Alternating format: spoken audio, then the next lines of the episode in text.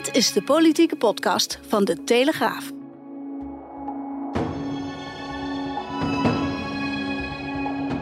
Afhameren met Wouter de Winter en Pim CD. Ja, politiek commentator Wouter de Winter. Daar zijn we dan met de eerste afhameren van het nieuwe parlementaire seizoen. We schetsen eens waar we, waar we zitten. Nou, we zitten dus in het nieuwe nieuwspoort. En af en toe eh, zijn ze hier nog voor de deur de tegels aan het aanstampen. Dus dan hoor je wat gebrom. Maar goed, in ons eigen gebouw is het al drie jaar lang verbouwing. Dus wat dat betreft gaan we erop vooruit. ja, en, en, en, en gebrom is misschien ook wel toepasselijk als thema voor deze podcast. Want het zal best gebromd hebben eh, binnen het kabinet, hè? Ik, ik zag zelf toen ik hier naartoe reed vanochtend eh, donkere wolken die zich hadden samengepakt. Letterlijk. Ik ja. dacht, dat wordt nog een leuke, die gooi ik er gelijk in als ik je zie. Want we hadden natuurlijk vanochtend al een filmpje live eh, verslag gedaan daar. Maar toen ik hier eenmaal was, was de zon doorgebroken. Dus dat was dan toch, bij Leiden ja, werd het, klaarde het leven op. Oké, oké. Amsterdam bevolk. Ehm, maar inderdaad, het is, het is een, eh, een bijzondere, ja, een heel bijzondere start van het politieke eh, seizoen. Wat natuurlijk officieel pas van start gaat op Prinsjesdag. Maar we, we gooien deze, dit voorprogramma er maar gewoon bij. Want wat een voorprogramma is het al na deze hete zomer. In alle opzichten. Eh, politiek gek genoeg een stuk minder heet al die weken. Omdat het eh, kabinet zichzelf een vakantie had gegund. In de Tweede Kamer ook. Reces hè, heet dat dan, acht weken. Uh, maar je kan je toch langzamerhand wel afvragen of dat nog van deze tijd is. En of ook een kabinet met 29 bewindspersonen nou, in ieder geval een paar in het land moet laten om op het moment dat de asbest op de snelwegen geflikkerd Ja. wordt, eh, dat men dan ook wel iets doet. En dat je niet moet bedelen om een quoteje van eh, de minister van Binnenlandse Zaken, die toevallig piketdienst heeft. Met drie vicepremiers en een premier eh, op de loonlijst. Dus ik vond dat allemaal ja, wat onverstandig. Want je wist dat het werk rond stikstof nog niet gedaan was. Je wist dat er nog steeds veel problemen zijn, ook met het asielbeleid. En je wist ook dat ja, het, het financiële plaatje voor mensen buitengewoon duister begint te worden.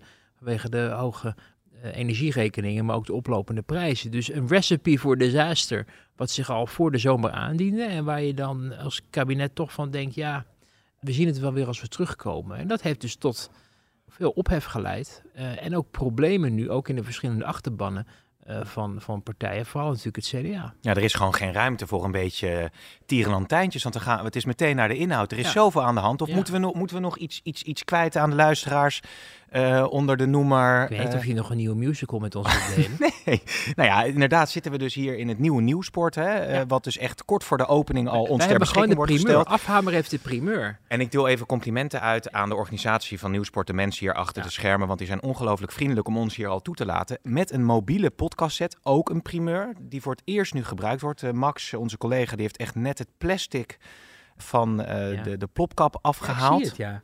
Al die concurrenten zijn we voor. Die liggen Nou. natuurlijk nog op het strand. Dat is Ja. natuurlijk ook. Maar het ziet er wel heel mooi uit, eh, eh, moet ik zeggen. Ja. Het is in het gebouw dus van de Tweede Kamer. Ja, je ziet eigenlijk de dingen die je ook al in het oude nieuwsport voor mensen... Ja, de meeste mensen zijn er denk ik nog nooit geweest. En er gaat ook een soort mythische, mythisch idee van daar wordt, het, eh, daar wordt alles bekonkeld. Nou, Ja. dat valt allemaal wel mee. Eh, in ieder geval in, in de tijd dat ik in Den Haag werk valt dat wel mee. Maar het is... ja, het, het ademt wel ook historie, ook in dit, in dit nieuwe oude gebouw waar we nu dan gehuisvest zijn eh, met z'n allen. Maar ik, eh, als ik kijk ook de, de portretten van Keizer Ollongren met de papier onder de arm. En een tafeltennissende eh, Joop den Uyl zie en, en, en Henk Vonhof met de Ja. andere ereleden van de VVD. Die hebben geprobeerd om Rita Verdonk binnenboord te houden. Nou ja, echt, als je ooit in Den Haag bent en je hebt de gelegenheid, misschien best leuk om te komen kijken als daar... eh, Ja, ja want die mij, foto's eh, die zijn echt historisch. Hè? En het is wel inderdaad opmerkelijk dat je tussen alle decennia oude Ja. foto's ook gewoon eh Olongren eh, ziet en ook Kaag dansend op tafel. En Fortuin zie ik ook nog. En, eh, Ja, ja, en. Hans Dijkstal. Maar goed, de mensen Maar wilden goed. natuurlijk niet allemaal Al- dat wat die... Allemaal verstrooiing. Ja, want vrijdagochtend hadden we inderdaad besloten om meteen alle registers open te gooien. Live op de site zijn we geweest. Jij kwam aan, want ja, het was de inloop van de ministerraad. En wat voor een? Ik werd Mhm. eerder deze week eigenlijk gevraagd. Of nou ja, dat was het idee om het met name over de koopkracht Ja, eh, te ja. hebben. En eh Wopke Hoekstra die besloot om, eh, om in het AD op vrijdagochtend, maar het was donderdagavond, werd het natuurlijk al wel, wel duidelijk, nogal ferme opmerkelijke uitspraak over eh, stikstof te doen. Ja. Ja, en ja, la- laten we inderdaad maar bij stikstof beginnen. Ja. En dan kijken of we morgenochtend klaar zijn met, met, met de analyse. Want, want ik kan me wat herinneren... een puinhoop is het geworden. Wij waren bij die beruchte persconferentie met uh, Staghouwer en Van der Wal met dat kaartje. En toen eh, was er één ding wat wel overeind bleef staan, namelijk die doelen, die zijn heilig. 2030, dat is eh, waar we voor staan. De weg Ja. ernaartoe, daar kunnen we het over hebben. En nu zegt Hoekstra in een interview van ja, nou 2030. Ja, en dat was. Nou ja, je zag het in, in de zomer al een beetje kantelen, omdat dat gesprek met Remkes maar niet eigenlijk van start ging. Natuurlijk als de oplossing eh, uit Den Haag naar voren werd geschoven, omdat ze het zelf allemaal niet de goede banen konden leiden. Dat de minister-president vanaf zijn vakantieadres moet gaan bellen met de voorman van LTO Nederland of hij alsjeblieft aan tafel wil komen bij Remkes.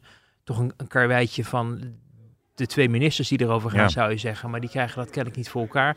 Of waren lekker zelf eh, van de Cuba Libre aan het genieten in, eh, in een eh, Caribisch eiland. Dus ehm, Rutte dus vanaf zijn vakantieadres geprobeerd om, om ja, de boel toch aan de gang te krijgen. Eh, dat lukte, leek het, omdat er in ieder geval een gesprek plaats had. Ehm, en hij begon ook een beetje te schuiven, namelijk dat nou ja, alles op tafel ligt, dat de doelen wel helder zijn. Maar je merkte dat er enige ruimte begon te ontstaan. Al was het maar in, de, in een poging om mensen aan tafel te krijgen. Daar werd op een gegeven moment, D66 hield zich toen nog stil, maar ik begreep dat het kwam omdat Geert de Groot aan het zeilen was in Noorwegen. Oh, echt waar?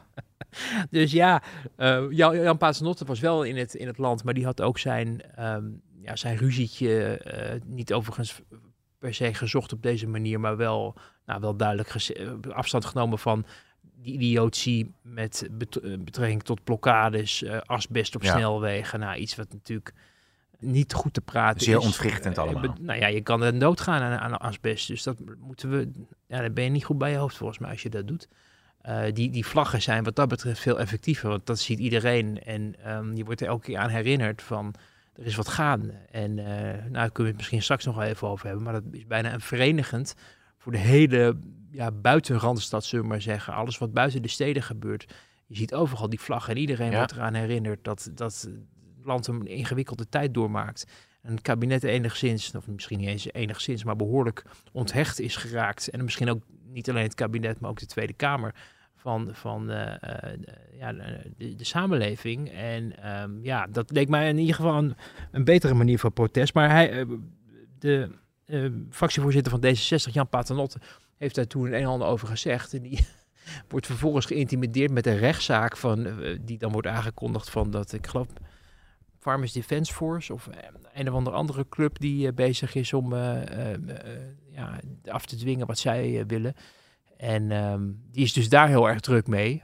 Maar in- vervolgens was hij te groot ook weer terug van vakantie. En merkte je wel dat D66 begon tegen te duwen. Want die dachten, ja, het kan niet zo zijn dat als je de boel in de fik steekt en de kont tegen de krip, dat je dan je zin krijgt. Mhm. En dat gaat ook terug tot een al oude overtuiging ook bij D66. Ehm, die al plaats had bij, bij de partij voordat überhaupt Kaag aantrad. Namelijk dat eh, protesten eh moeten kunnen. En dat datgene wat mensen uiten bij protesten ook serieus moet worden genomen. Maar dat het niet zo is dat je de rechtsstaat opzij kan zetten. Of dat je met intimidatie je zin krijgt. Of dat als je maar lang genoeg de boel blokkeert en, en ontwricht. Dat ehm, de ja, belangen van een minderheid, zoals zij dat dan eh, noemde op dat congres in Breda ooit. Waar Kaag toen nou, nog niet haar maiden speech hield als leider, nog daarvoor zelfs, maar wat wel een duidelijke boodschap was, en waar het congres ook heel enthousiast op reageerde, namelijk eh, we zijn, eh, eh, we gaan niet het land laten besturen door een schreeuwende minderheid ten koste van het algemeen belang, ten koste van het Ja. grotere belang, wat zij dan zeggen voor te staan, en daar kan je dan vervolgens over discussiëren of dat ook zo is. Dus, dus die overtuiging was er wel. En dan ineens dat interview van, van Wopke Hoekstra. Wat je ook een beetje kon zien aankomen, omdat je gewoon zag dat nou, die boeren eh, ook steeds luidruchtiger werden. Ze begonnen af te keren, ook van het CDA. Je zag allerlei CDA-prominenten of ex-prominenten van het CDA. Henk Bleker heeft volgens mij een tijdje geleden afscheid genomen. Maar je zag ook die eh, eh, minister Veerman van, van het CDA van vroeger, landbouwminister, die inmiddels ook al bedacht hoe het allemaal moest. Je zag Jacques van der Tak, natuurlijk ooit uit het Westland, ook heel duidelijk voor het CDA actief. Dus allemaal mensen uit die eigen achterban die zich beginnen af te keren van datgene wat de huidige partijtop en de fractie overigens, want die hebben het allemaal geac- geaccordeerd in, eh, met de goedkeuring van het regeerakkoord vorig jaar. Ja, uh, dan moet je op een gegeven moment wat. En dan ontstaat er toch een vorm van paniek. Je sprak ook, ik sprak afgelopen week ook echt CDA's die echt somber uh, waren teruggekomen van vakantie. Maar ook, ook mensen die, die wel echt zagen dat er een opeenstapeling van crisis is. En dat langzamerhand er een existentiële crisis voor het CDA aan het ontstaan Mhm. is. Want als zij akkoord gaan, ze zijn eigenlijk met de grote lijnen al akkoord gegaan in het regeerakkoord. Maar ja, in de uitwerking kan het dan nog weer wat alles veranderen. Ik denk ook dat men ook niet goed heeft doordacht over hoe eh, ja, misschien ondraaglijk het zou zijn voor de achterban op het moment dat men de handtekening zette. Niet goed over heeft nagedacht, maar vervolgens ook niet goed heeft nagedacht over hoe ga je het dan verkopen aan de mensen. Dat kaartje, dat gehate kaartje, waarop mensen dachten, nou, Den Haag zit even een streep door mijn hele familiehistorie en mijn boerenbestaan en Ja. mijn bedrijf en mijn familie en mijn inkomen. En, en hoe dat ging, eh, dat is natuurlijk totaal ontspoord. Maar ook daar is veel te weinig door de coalitie in het kabinet, maar ook in, in, in de Kamer, eh, rekening mee gehouden dat het uit de klauwen kon lopen. Eh, dus dat ontspoorde en ontspoorde en ontspoorde. Eh, en het CDA moet op een gegeven moment wat. Want op het moment dat je stug door blijft gaan en niet laat merken dat ehm, je ook gevoelig bent voor de argumentatie. Ik sprak ook een CDA-bewindspersoon die ook zei: als je met die boeren gaat spreken, hoor je ze dingen zeggen die eigenlijk best redelijk zijn. Die helemaal niet zo vreemd zijn en die ook, waar je misschien ook best wel wat mee kan. Eh, maar ja, dan moet je wel het gesprek aangaan. Nu willen de boeren dan niet praten, is het idee. En nou, men probeert hen aan tafel te krijgen. Eh, maar ehm, op het moment dat men stug was doorgegaan, alles aan Christiane van der Wal en Henk Staghouwer had overgelaten. eh, en je wordt bij de statenverkiezingen gedecimeerd. Waardoor je een, ja, je, je aloude achterban op het platteland kwijt bent. Eh, daarmee ook je zetels in de Senaat verliest voor een groot gedeelte. Daarmee ook de, de, de, de daadkracht van het kabinet verder ondergraaft. Want die hebben al een minderheid en dan wordt alleen maar kleiner. En dan vervolgens kan een kabinet meer, niks meer voor elkaar krijgen. Valt het kabinet en staat het CDA met lege handen. Want ze hebben overal mee ingestemd. Ze Ja, zijn niks meer waard. En hoe, kom, hoe krabbelen ze ooit weer op? ja. En dan krijg je zo'n PvdA-scenario, die ook al vijf jaar nu in de greppel liggen. Eh, en misschien nog wel erger. Dus die partij moest wat. Er was gewoon paniek en er, moest een signaal gegeven worden aan het begin van de onderhandelingen. Waar staat het CDA voor? Een lang gehoorde klacht bij het CDA is eh, dat Wopke Hoekstra, de partijleider, te onzichtbaar is. Ehm, dat er te weinig klinkt. Ehm, ook, dat gebeurde eigenlijk al in de verkiezingscampagne, ook in de, in, de, in de formatie. Maar waar het CDA nou voor staat bij de grote politieke discussies. Nou, vandaag heeft hij dat interview gegeven en nog een heel pamflet geschreven. Wat op de site van het CDA staat. En daar zie je, doordat het pamflet lijvig is, dat men er wel heel erg goed over heeft nagedacht. Dat men op stikstof, maar ook over allerlei andere onderwerpen, even heel duidelijk aan de achterban wilde communiceren. We zijn er nog, we vechten voor jullie. Wij gaan niet zomaar overal onze handtekening onderzetten. Dus echt een op de achterban gericht signaal geven. Wat dan vervolgens door de rest van de coalitie even ja, ja. schrikken wordt. Want ik vroeg me af, zo'n bommetje, hè, dat wordt dus eh, vakkundig in elkaar eh, eh, geknutseld. Je schetst het scenario, het CDA kon eigenlijk niet anders. Maar het is wel fascinerend om dan te zien van wanneer drop je dat nou? ja. Dus nu is ervoor gekozen om dat dan eh, Paul voor de eerste eh, ministerraad eh, te doen. Nou ja, Rutte reageerde al van, nou ja, dit kun je een keer doen, maar, maar, maar liever niet. Het is staatsrechtelijk, is het op het randje. Heeft hij dit dan gezegd als partijleider of als minister van Buitenlandse Zaken? Daar, daar is ongetwijfeld bij het, binnen het CDA heel goed over nagedacht. Van, Ja. van, van wanneer gaan wij dit doen?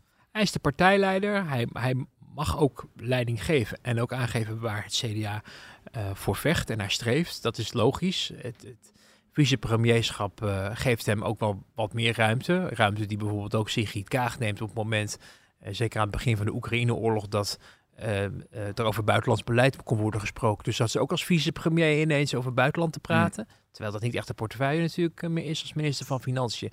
En dat werd toen als de normaalste zaak van de wereld vormgegeven, want ze was vicepremier.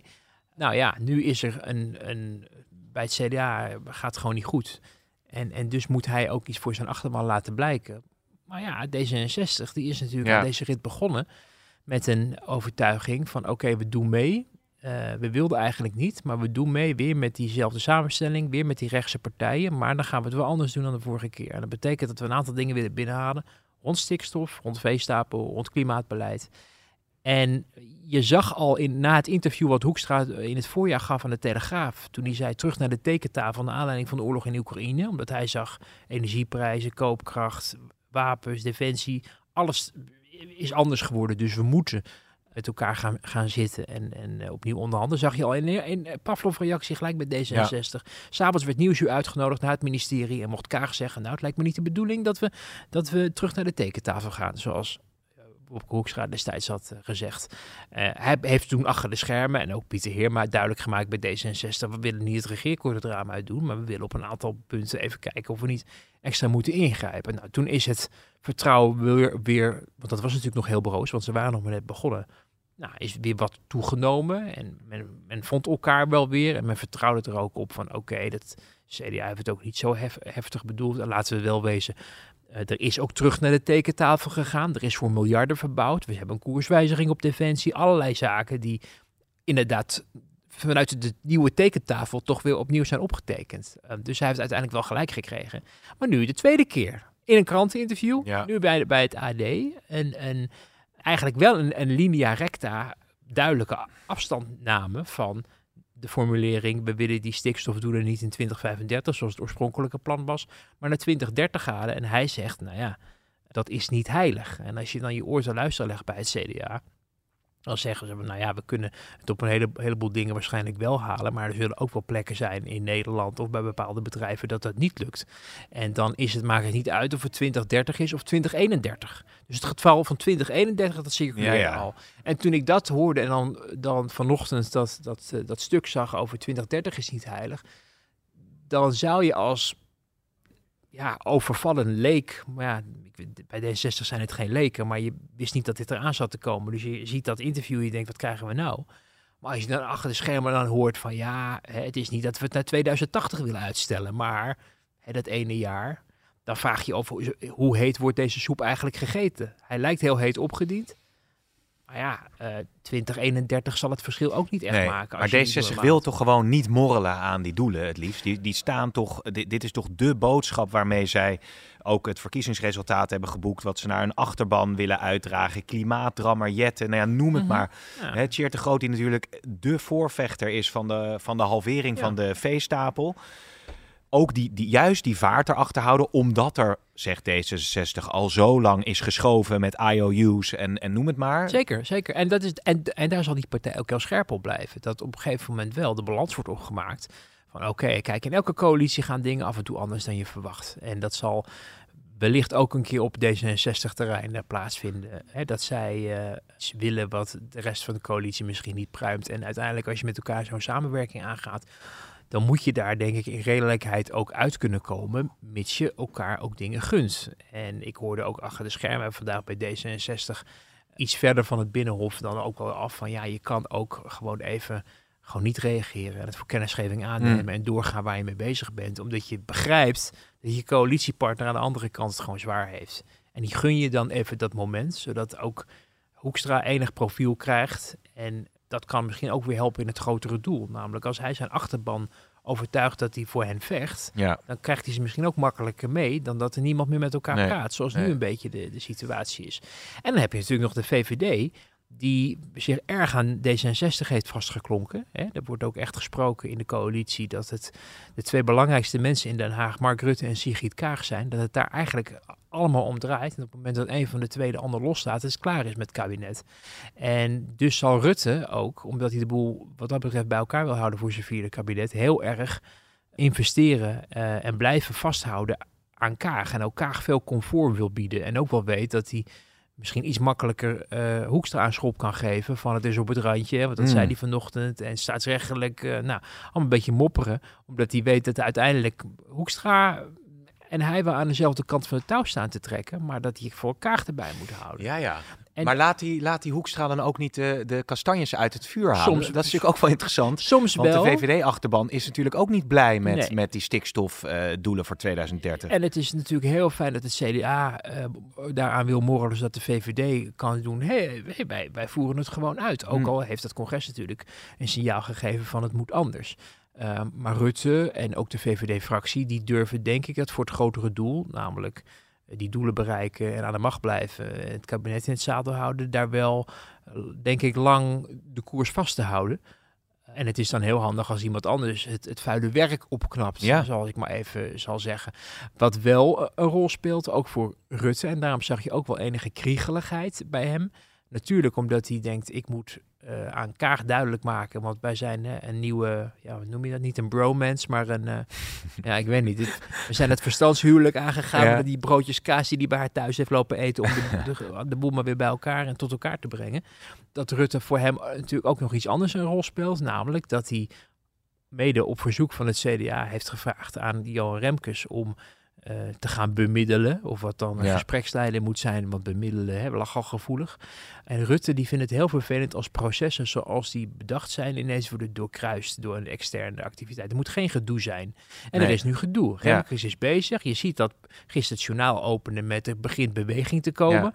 Dat ik dacht, nou, ik, heb dat, ik hoor Remkes dat zeggen. Die hoor ik vooral zeggen, de, de supermarkten zijn niet lief.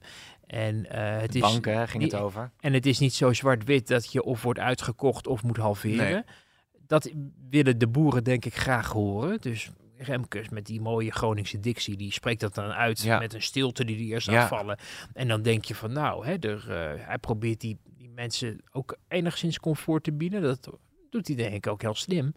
Eh, maar ik weet nog niet of daarmee de boel in beweging komt. Maar goed, dat werd, zag ik dan op het journaal de conclusie zijn. Nou ja, prima. En dan eh, eh, zie je dus dat, dat Remkes volop aan het werk is en aan het spreken is. En Rutte en Kaag waren trouwens ook weer gisteren bij dat gesprek. En dan vervolgens gisteravond ineens de mededeling... oh ja, ik, zeg, ik, ik heb een interview gegeven en het wordt wel stevig. Ja, Ja, dat, dat, dat vindt Rutte ook niet leuk. Want die denkt, ik moet al, omdat de rest van de coalitie er niks van bakt met die stikstofcrisis, vanaf mijn vakantieadres, Sjaak van dat tak, smeken of we Ja, alsjeblieft aan tafel die wil je echt niet bellen in je vakantie. hè? Ik, nee, ik wil, moet met mijn spijkerbroekje en mijn witte opges- opgestroopte hemdsmouwen, moet ik door stallen gaan lopen om te laten zien dat ik ook betrokken ben. Ja. Terwijl de ministers die erover gaan in geen velden of wegen te bekennen zijn. En vervolgens hebben we het een beetje aan de praat gekregen en dan begin jij ineens Ja, op ik deze manier. Ik vond Staghouwers reactie vanochtend ook wel, eh, wel, wel interessant. Want die, die leek ook eh, ja, oprecht eh, verbaasd of een beetje verbouwereerd zelfs over het interview dat Hoekstra had gegeven. Hij reageerde niet als een minister Ja, die man, in control die zei van nou ik snap de zorgen, dit en dat. Maar die zei van ja, afspraak is afspraak. Ja, je hoort het overal Ja, natuurlijk. maar dat hebben we natuurlijk vanochtend al. Kijk, gisteravond is natuurlijk een schrik geweest. Toen hebben ze afgesproken, oké, we gaan...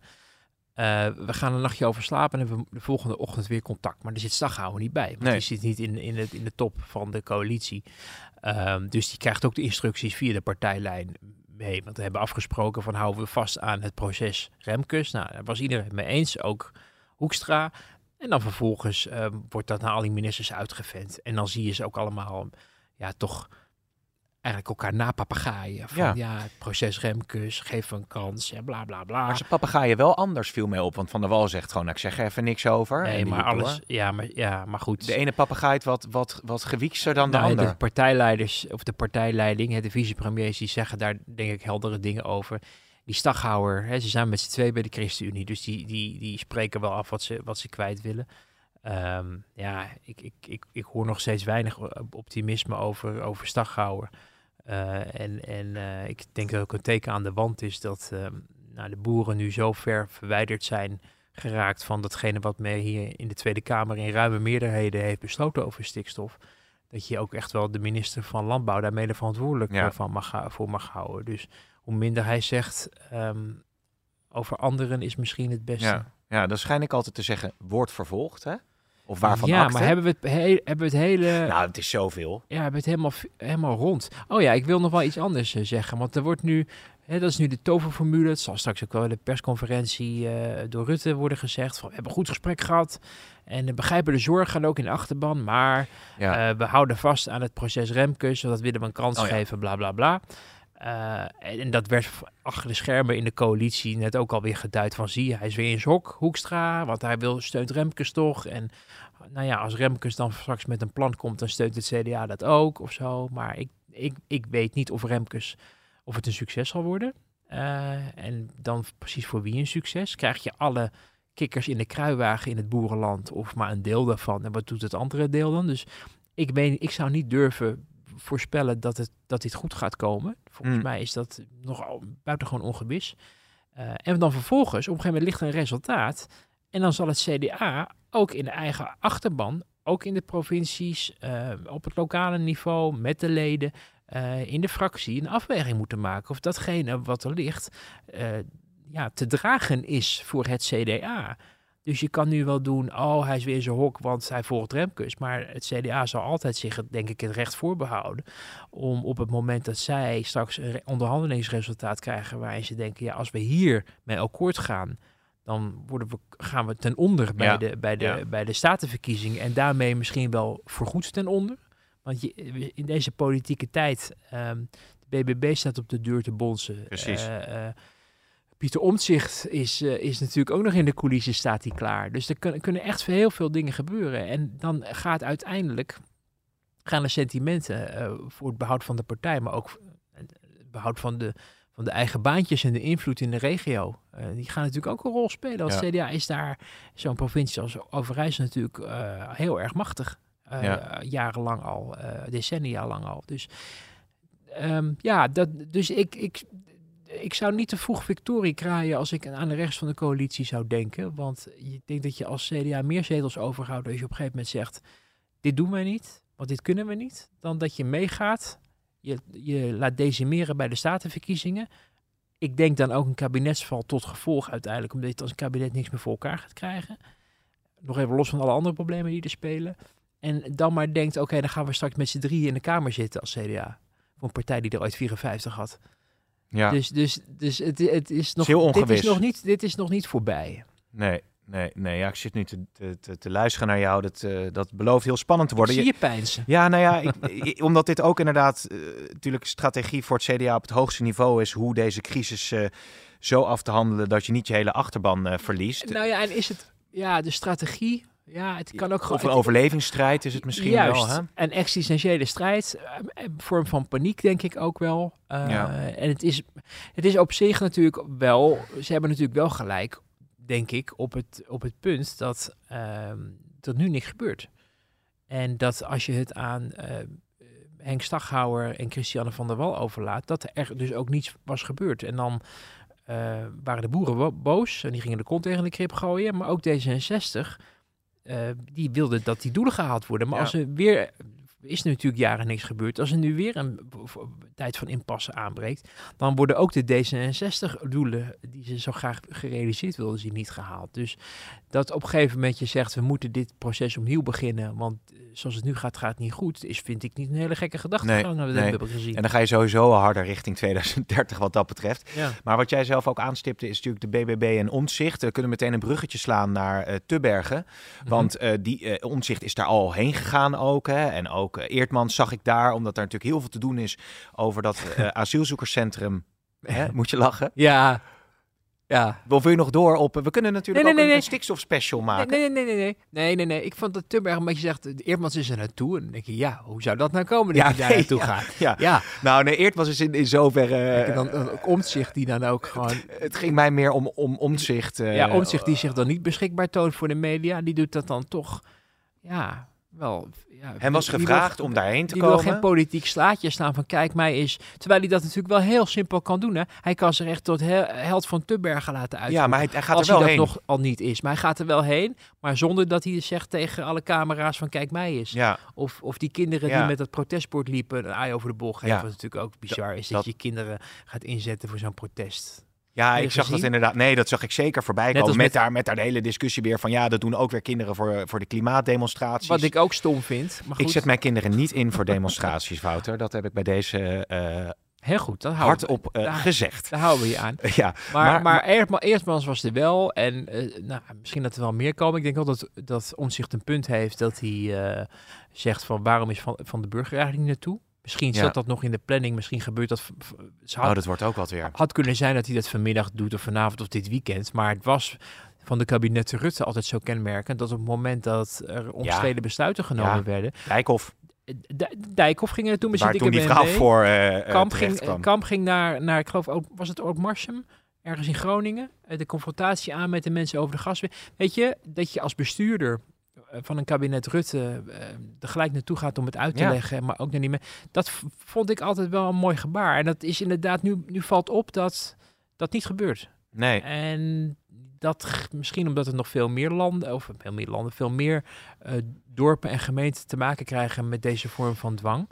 Dat Ja. je wel aan de gang kan blijven. Maar het geeft ook wel aan dat de onthechting tussen eh, het Haagse en de rest van dat land eh, niet minder is Nee. geworden. Want waar stikstof misschien eh, het cruciale thema is, is asiel dat meer voor de VVD eh, lijkt mij. Stikstof natuurlijk ook, maar eh, ja, een, een, een- een, een strengere instroom, eh, zorgen dat er minder mensen binnenkomen, gezinshereniging onaantrekkelijker maken, een soberder beleid. Mhm. Dat is iets wat, wat je wel binnen de VVD Ja, natuurlijk hoe lang hoort. dat al? Ja, al jaren natuurlijk. maar het was met Anke Broekers-Knol. Je kan er elke dinsdag kan je daar gaan staan van ja, het is toch alweer een probleem. ja. Maar, maar dit moet toch een keer leiden tot een herziening van beleid, waardoor je niet dit, dit soort ja, toch eh, excessen krijgt. Hè? Want als je bij elke kerk eh, of hotel. Ja, maar het is, een, het is een, echt een ide- politiek-ideologisch probleem.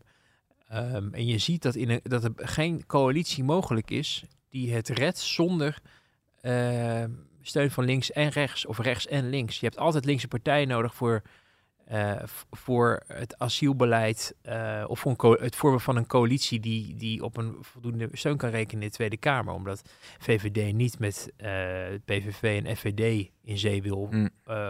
in een regering. Dus ze kunnen wel met over asielbeleid zaken doen, maar er wil geen andere partij, geen D66, geen PvdA, geen GroenLinks, steun geven aan de rest van het kabinetsbeleid op het moment dat zij een regering vormen met, met, met hen. Wat dus, dus de manoeuvreerruimte voor rechtse partijen ook beperkt maakt. Want ze kunnen wel streng willen, maar ze hebben voor de steun voor de coalitie ook altijd linkse partijen nodig, zoals D66, die vervolgens gaan bedingen dat het niet zo streng moet als eh, VVD en, en CDA Nee. eh, eh, misschien zouden willen. CDA ook natuurlijk ook altijd wel een partij die ehm, eh, ja ook wel van niet, niet altijd unisono hierover opereert. Hè? Aan de ene kant, eh, Buma was van, van het strenge beleid en heeft ook gezegd we moeten echt wat doen aan de instroom, want heel Afrika komt hier naartoe. Heeft hij een paar jaar geleden voor gewaarschuwd.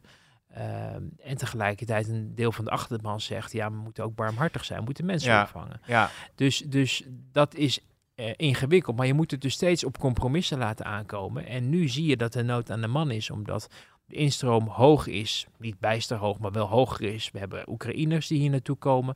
Eh, het probleem is dat er niet genoeg huizen zijn nee, je voor ziet ook mensen. mensen in Ter Apel op straat of op in tenten, et cetera. Precies. Eh, de, de, dus de huizen zijn niet beschikbaar. En als je ze beschikbaar maakt, dan betekent dat je de eigen bevolking eh, in de kou laat staan. En dat is een sentiment wat levensgevaarlijk is. Want mensen zien wel Ja. vechtende asielzoekers voor een, voor een AZC of bij een bus op televisie. En denken, hé, hey, maar daar zit mijn, mijn dochter of mijn zoon van 27 nog steeds bij mij thuis, omdat hij geen betaalbaar huis kan, eh, kan kopen. Dat is echt een probleem. En dat draagvlak en solidariteit verdwijnt dan als sneeuw voor de zon als het eigen leven echt wordt, wordt, eh, wordt geraakt. Eh, maar ook een heel groot probleem is natuurlijk de uitstroom. Dat mensen die hier geen recht hebben om Ja. hier te zijn, vertrekken. En geen recht hebben op, op onderdak, eh, op een huis en over de voorzieningen eh, die er zijn. En je ziet dat daar ook al, al, al jarenlang, al decennia lang heel moeilijk. We hebben ruzie met Marokko. Dus er gaan nu ook wel stemmen op van ja, je moet een groots gebaar maken richting Marokko. Ook al kost dat geld of moet je, moet je daar iets voor doen wat je eigenlijk nooit zou willen doen. Hè? Ik meen dat er ook iets is van, eh, ik weet niet of, dat, of ze daar dan aan denken hoor, maar ze hebben op een gegeven moment ooit eh, de uitkeringen aangepast aan het land waar iemand woonde. Dus mensen die in Oh ja? Genieten, die kregen dan een lagere uitkering in het buitenland, omdat het, de levensstandaard daar lager lag. Dus je hoefde daar niet zoveel. Het was heel omstreden. Ik meen dat dat nog eh, het geval is, maar ik weet ook nog dat dat toen tot een heleboel beroering leidde, behoort in zo'n land als Marokko. Ja, ja, en ja. en ehm, we hebben laatst als Nederland steun gegeven aan hun plannen met, eh, met dat land wat eronder, ja, het land, het is een gebied geloof ik, de westelijke Sahara, dat Mhm. woestijngebied. Marokko Oh ja. had daar een plan over en daar heeft Nederland eh, steun aan gegeven, ineens, nadat Hoekstra daar op, op visite was geweest. Achter de schermen, niemand wist van tevoren van dat bezoek, werd allemaal pas achteraf. Dus je, je ziet, ze proberen achter de schermen, ook Marokko, eh, ja, ik ik dacht om de verhoudingen wat eh, te versterken, maar iemand anders zei mij in coalitiekring, nou, het is vooral om de verhouding op te bouwen. Ja. Oftewel, die ja. is verwoest sinds dat hele ge- geruzie met Ankie Broekers Ja, Knol ja. en dat ze niet mocht komen. Oh. Dus, dus je ziet dat, dat men probeert achter de schermen dat ook vlot te trekken. Maar zolang dat niet geregeld is en mensen niet worden teruggenomen die gerecht hebben om hier te zijn, blijft het een probleem. En dan is er in het kabinet discussie geweest over uh, uh, gezinshereniging en nareizigers. Uh, ja, en dan zegt D66, ja, we hebben verdragen. Wat ook niet onzin is, want VVD, CDA en PVV hebben in Rutte 1 geprobeerd om daar korte metten mee te maken en, en strenger in te grijpen. Maar die, Gert Leers ging heel open rond, die kreeg het niet voor elkaar, want die verdragen hield het allemaal tegen. Maar je hebt dus aan, aan, aan de ene kant uh, onrust uh, uh, om, de, om de stikstof, maar we hebben natuurlijk in het verleden ook gezien dat in gemeenten ja, er echt zeer emotionele, heftige uh, bijeenkomsten waren, hè, waarbij de burgers zich ook voelden gepiepeld, omdat er allerlei besluiten al waren genomen over huisvesting, zonder dat ze op de. Dus dat scenario, dat, dat dreigt dus ergens uh, misschien ook wel. Dat zal ook heel veel onrust kunnen geven ja. uh, binnen de coalitie. Nou ja, ja, weet je, dat, dat, je hoort daar in die coalitie ook wel over van ja, er zijn gemeenten die, die, die meewerken. Hè? Hmm. Volgens mij de grote, grote steden, Amsterdam, Rot, Amsterdam, Utrecht, weet ik. Ik weet ja. even niet uit mijn hoofd Rotterdam, maar daar worden, daar worden wel degelijk veel mensen opgevangen. Uh, maar um, uh, je merkt ook wel dat sommige gemeentebesturen het prettiger vinden als het Rijk de macht naar zich toe trekt en ja. uh, aanwijzingen geeft, omdat je dan je bevolking kan uh, ja, we, vertellen. We kunnen niet anders. Wij kunnen niet ja. anders. Dus in, in, in, in, in de ziel zullen ze misschien best begrip hebben voor dat er iets moet gebeuren, maar denken ze, ja, dat trekken de mensen niet, want wij zijn hun burgemeester of hun wethouders, wij komen die mensen, of hun gemeenteraadsleden, wij komen die mensen bij de bakker tegen. En dan moeten wij iets gaan uitleggen wat we het liefst door Den Haag kunnen laten bepalen. Ja. En dan kunnen wij tenminste zeggen dat we het een schande vinden, maar nou, dan wordt het wel geregeld. Um, tegelijkertijd hoorde ik uh, gisteren van iemand uit het kabinet dat uh, van de 350 gemeenten of zo er uh, 150 meewerken en 200 niet. Oké. Okay. Ja, gelukkig gaat het goed met, de, gelukkig gaat het goed met de portemonnee, wou ik nog maar zeggen. Hè? Om Jezus Wouter, het is wel wat goed dat we eerder begonnen zijn met deze podcast, want... Uh, ja, want ik is... dacht, volgende week zal er ook wat gebeuren, dus dan, dan uh, ja. gaan we gewoon weer verder. Want, want ik denk dat inderdaad dat het uh, thema is wat we ook nog even beet moeten pakken. Dan laten we de, de, de wat jij ook aanstipt, hè, de onrust tussen stad en nou ja, platteland of randstad en, en andere regio's, uh, als het gaat om omgekeerde vlaggen en zo, dat, dat ja. pakken we nog beet. Uh, zeker in de komende weken. Uh, maar als het gaat over... Had je, die, had je, heb je die, die, dat, dat spandoek gezien bij de A4? Ben je al terug naar Amsterdam gereden deze week? Of nou, ik rijd vaak over de A44. Ja, maar, maar dan bij, de... hoofd, bij, bij oh, wat, wat, hing, wat bij, hing daar? Bij die prachtige landingsbaan waar je ja. vroeger 130 mocht overdag, maar wat nu niet meer ja. mag. Nee? Um, daar, daar hangt een, een spandoek, ook met, die, die, met al die vlaggen. Maar daar staat uh, afscheidsreceptie. Uh, drie keer toeteren voor Mark Rutte. Oh, serieus? Jezus. En nou. elke dag rijd ik dat langs. En elke, en dag, elke moet ik een dag beetje... toeter je enthousiast drie keer. Ja, nee, ik moet elke nee, dag een beetje om lachen. Ja. Want ik vind het wel... Ik bedoel, ik ben zeker, zoals ik net al zei, tegen die asbestgekte en zo. En, of, of spookrijden. Ben je echt ben je met mensenlevens aan het spelen. moet je gewoon niet doen. Uh, maar die vlaggen zijn wel heel effectief. Ja, um, als het gaat over koopkracht, spraken we ook vanochtend uh, uh, minister van Financiën Kaag over. Op zeer korte termijn, volgende week vrijdag zal er wellicht na de ministerraad een persconferentie komen waarin er maatregelen aangekondigd worden, of niet? Nou, het, officieel, maar ja, wat, is nog, wat gaat nog in Den Haag volgens de gebruikelijke manier? Ja. Maar uh, zijn dat plannen die op Prinsjesdag bekend worden gemaakt? Ja. Dus dan lekken ze uit, maar dan komt de persconferentie pas op de derde dinsdag van september.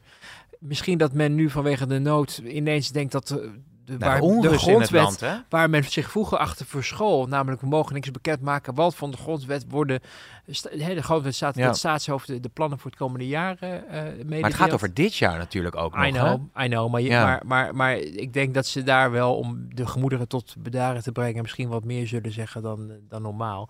Uh, wat interessant denk ik gaat worden, is of er dit jaar nog wat gaat gebeuren. Waarvan het kabinet heeft gezegd, het kan niet. Advies gekregen van de dienst om het niet te doen. Uh, de Nederlandse bank waarschuwt ook uh, voor al te veel compensatie. Knaas Klot was vandaag ook bij de Vierhoek voorafgaand aan de ministerraad. Okay. Het Vierhoek is het financieel-economische overleg van de financieel-economische ministers uh, over, over de begroting. Uh, dat er wordt gewaarschuwd van als je als overheid nu te veel geld in de, uh, aan de mensen gaat toestoppen, dan neemt dat de inflatie alleen maar verder toe. Uh, nou ja, politiek is bijna niet te verkopen dat, dat, dat er 10% van de kinderen in armoede gaat leven. Dat er 7% koopkrachtverlies is, bijna over de hele linie. Ja, het is echt historisch, hè? Ja, hoewel ik ook wel, ik had even contact met collega Leon Brandsema, die ook de, de briefing van het CPB volgde. Uh, terwijl wij buiten stonden om over, over Hoekstra's interview te praten. Um, dat, dat ook het CPB moeite mee heeft om dit nou goed, goed aan te geven. Omdat mensen met energiecontracten, als je een vast energiecontract hebt of je gebruikt geen gas, uh, of een combinatie van beide. Een hele andere omstandigheid is dat je in een slecht geïsoleerd huis woont, gas gebruikt, uh, variabel energiecontract hebt. Uh, dus men heeft op een gegeven moment ook maar moeten inschatten van oké, als men dit jaar geen hogere energierekening krijgt, dan zal dat volgend jaar wel zo zijn. Dus laten we daar nu maar gewoon één lijn in trekken en het gewoon voor dit jaar mhm. berekenen. Um, en dat betekent, dat laat ook gelijk de ingewikkeldheid zien van, uh, van het probleem dat moet worden opgelost. Het kabinet is echt wel bereid om heel veel geld uh, uh, in koopkrachtreparatie te steken. Er stond al 2,5 miljard klaar die door de VVD al was bedongen in het regeerakkoord. Maar daar moet veel meer bij. ik zag dat Hoekstra had over tenminste 10 miljard. Nou, waar haal je dat geld vandaan? In, in normale omstandigheden door elders geld weg te halen. Uh, dus dan moet je denken aan hogere belastingen voor, voor onder, uh, ondernemingen. Ja. Uh, is men over aan het nadenken. ik hoor ook in partijen echt nadrukkelijk dat de begrotingsregels moeten worden losgelaten. En dat je de hogere btw-inkomsten die bijvoorbeeld op energie, daar is de btw verlaagd, maar het, het, hetgene wat binnenstroomt, omdat die prijzen zo hoog zijn, overtreft nog de tijd dat het uh, 21% was. Ja, om dat potje te besteden aan. Ja, om dat geld ja, precies. linea recta te gebruiken om mensen te helpen in, in, in de koopkracht. Alleen dan is vervolgens de, de, de vraag, hoe dan? Want hoe ga jij op Haags macroniveau precies kunnen bepalen in een hele korte tijd waar je mensen nog, ja. welke mensen heb jij het nodig, Pim? Heb jij het nodig? Heb ik, het is heel eh, het is, dat is voor 18, 17, 18 miljoen mensen is dat, ja. is dat bijna niet te doen. Maar je kunt dat, oh, dat is net als in de coronacrisis. Er zullen altijd mensen uh, mee profiteren die er wellicht minder, maar dat, dat neem je dan maar voor lief als kabinet, hoe, toch? Hoe, hoe groter het probleem uh, en hoe sneller een ingreep moet komen, hoe uh, generieker, zoals dat dan heet, ja. het zal worden. Op een gegeven moment kan je niet meer kijken op, oh, maar jij hebt een, jij hebt een, een, prachtig geïsoleerd huis, dus jij verdient minder ja. compensatie. Dus men zal een groot gebaar, denk ik, dan moeten maken als men besluit om dat te doen, wat men dus volgende week pas een knoop over door gaat hakken. Maar als dat niet gebeurt en je laat het op zijn beloop, dan beloven de algemene beschouwingen een feest te worden voor de linkse oppositie, maar ook bijvoorbeeld voor de PVV, die nu al zegt: ja. je geeft overal geld aan uit, maar de eigen mensen ja, laat je van. Je ziet, de, Geert Wilders komt met uh, tweetjes of berichten van oude vrouwtjes die wonen in een uh, huis op vijf hoog en hun energierekening niet meer kunnen betalen, waar, wat natuurlijk echt zo is, dus wat aangeeft ja, hoeveel spanning daar ook op uh, dit dossier uh, ja, zit. Ja, en het, en het is ook voorstelbaar. En je hoort de verhalen ook om je ja. heen. Als je het zelf niet betreft, maar je leest in de krant dat er dat mensen aan het eind van de maand uh, of het eind van het jaar 5600 euro moeten aftikken. Uh, nou ja, als je voor, voor, voor een modaal gezin is dat gewoon onbetaalbaar. Ja, en, ja. en, maar ook ondernemers, hè, die uh, hoorde een verhaal van een ondernemer die, die normaal voor zijn bedrijfsruimte, grote bedrijfsruimte, 100.000 euro per maand of per jaar, niet per maand, per jaar kwijt is. En dat hij dan nu van zijn energiebedrijf te horen krijgt dat hij 2,5 ton mag aftikken. Ja dat betekent dus niet alleen maar voor de, voor de kleine. Dat is misschien niet de goede voor de, voor de gewone mensen. gewone mens, dus de gezinnen, hè, de, de, microniveau, maar ook gewoon voor ondernemingen. Een enorme kostenpost. en die kostenpost moet ook ergens van betaald worden.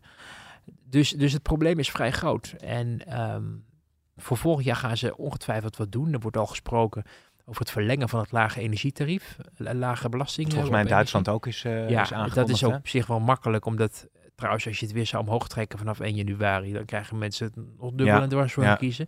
Dus, dus ik denk wel dat, dat, eh, dat je dat uh, ja, als, als uh, zekerheidje kunt in ja, tekenen. dat je daar wel op kan rekenen. Maar het gaat natuurlijk om van hoe kan je ervoor zorgen dat mensen het volgende jaar halen als het gaat om, om, om ja, de belastingen die ze moeten betalen over hun energie, maar ook de koopkracht. En daarvan, dat verklaart ook de de, de oproep vanuit het kabinet en de coalitie heel duidelijk van de lonen moeten omhoog. Ja. Want ze weten nu al dat zij nooit alles kunnen gaan compenseren. Het is geen coronatijd meer, ze gaan het ook niet doen. Het heeft heeft uh, Kaag ook duidelijk Ja. gemaakt. Hè? We worden allemaal een stukje armer en dat, dat, dat, dat hoort er nou eenmaal bij, eh, is een beetje het argument. Ehm, maar er is nog een hele grote zak met geld bij ondernemingen die wel eh, meer geld verdienen, eh, meer winst te maken en die in hun loonaanbieding eh, ja, toch behoorlijk achterblijven met de loonsverhoging. Ja, En de, de overheid kan daar zelf wel wat aan doen, omdat ze zelf natuurlijk ook werkgever is. Maar voor de private sector wordt het een stuk ingewikkelder. En dus moet je, en dat vereist dus ook heel belangrijk werk, ook natuurlijk wel van de, van de premier. Want als het op dat niveau gaat, is het ook vaak wel de premier die zich ermee bemoeit. Eh, maar ook van de minister van Economische Zaken, Mickey Adriaanse. Die, die ook echt heel duidelijk ehm, ook haar ehm, achterban, zal ik maar even zeggen, als, als EZ-minister, moet bewegen om de knip te trekken. ja. Uh, dus, dus dan zie je dat die verantwoordelijkheid niet alleen maar ligt bij Kaag en Van Gennep, die dan over de koop kan gaan en, en het geld waar de overheid over gaat. Maar welke invloed heb jij als kabinet, zeker als VVD-minister, bij jouw eh, natuurlijke achterban, zoals ik het maar even noem, namelijk eh, de werkgevers? Ja. Ik moet nog naar de basis weg, Wouter. Ja, We zitten hier in Nieuwsport. Je- Neem een slok water, want het, de- je kan Nou, er ik nog denk eh, dat, dat uren mensen mee redelijk hebben bijgepraat. Ja, we hebben altijd eh. luisteraars die van bonusminuten houden. Nou, die zijn, die zijn er gekomen. Dank voor nu. En eh, ja, veel Max meer. is helemaal... eh, Max, Max, wordt- onze, Max onze eh, cameraman, podcast producer. Ja, die wordt de hele ochtend al... al eh, afgepeigerd Ja. door ons. Ja, sorry daarvoor, Max. Ja, dan moet hij alles weer inpakken. Dan moet hij alles weer inpakken. Hij heeft geen gaat microfoon, mensen, Gaat ze maar- als de wielen weer gaan Volgende naar de week basis weg. eh, doen we het eh, denk ik gewoon weer Laten in, we maar eh, gewoon meteen doorgaan. Wouter, dankjewel.